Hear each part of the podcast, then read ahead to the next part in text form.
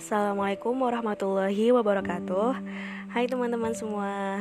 Ya ampun kangen banget deh rasanya. Udah lama gak bertegur sapa. Gimana nih kabarnya kalian?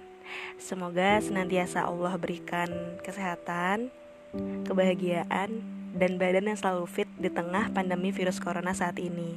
Amin. Um, Sebenarnya gue bingung untuk podcast kali ini Mau gue kasih judul apa karena menurut gue kalimat terima kasih gak akan cukup untuk kita ucapin ke diri kita sendiri. Diri kita yang udah kuat dan tegar dalam melangkah, dalam menghadapi semua lika-liku kehidupan, dan sampai akhirnya membawa kita sampai sejauh ini. Rumput tetangga selalu terlihat lebih hijau, kata pepatah. Rasanya kalau ngelihat kehidupan orang lain tuh kelihatannya keren, hidupnya mewah, senang terus, gak pernah sedih, sukses lagi, dan lain-lain. Sedangkan kalau kita ngeliat ke diri kita sendiri, kita selalu bertanya-tanya, kok hidup gue gini-gini aja ya? Kok di umur yang sama udah banyak pencapaian yang dia dapet, sedangkan gue satu pun gak ada. Atau enak ya jadi dia nilainya bagus terus dan, dan berprestasi juga di sekolah. nah, dari pemikiran-pemikiran ini akhirnya ngebentuk suatu stigma negatif ke diri kita. Dan akhirnya kita jadi makin insecure. Well, semua orang di dunia ini pasti pernah ngerasain yang namanya kegagalan. Thomas Alva Edison, penemu lampu bohlam, udah ngerasain beribu-ribu kali kegagalan sampai akhirnya lampu bohlam percobaannya bisa nyala. J.K. Rowling, seorang penulis buku Harry Potter, pernah ditolak berkali-kali sama penerbit sampai akhirnya ada seorang penerbit yang tertarik sama karya tulisannya. Dan buku Harry Potter ditarik menjadi film yang sangat sukses pada masa itu. Kegagalan itu adalah salah satu bumbu kehidupan yang pasti akan mewarnai hidup kita. Tinggal gimana cara kita ngikapin kegagalan itu, dan pilihannya pun ada di tangan kita sendiri.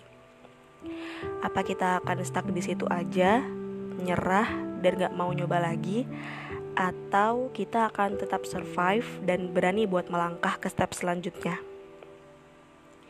Kesalahan dan kegagalan adalah bukti bahwa kita udah mencoba. Sekali ngerasain gagal, bukan berarti kita nggak bisa sukses. Gagal itu salah satu hal penting biar kita tahu apa makna sukses sebenarnya. Kita harus sabar, kita harus nikmatin prosesnya, dan mencoba lagi.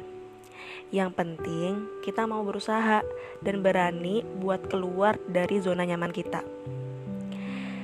Jack Canfield pernah bilang, "Jangan khawatir tentang kegagalan, tapi khawatirlah tentang peluang yang kamu lewatkan ketika kamu tidak mencoba."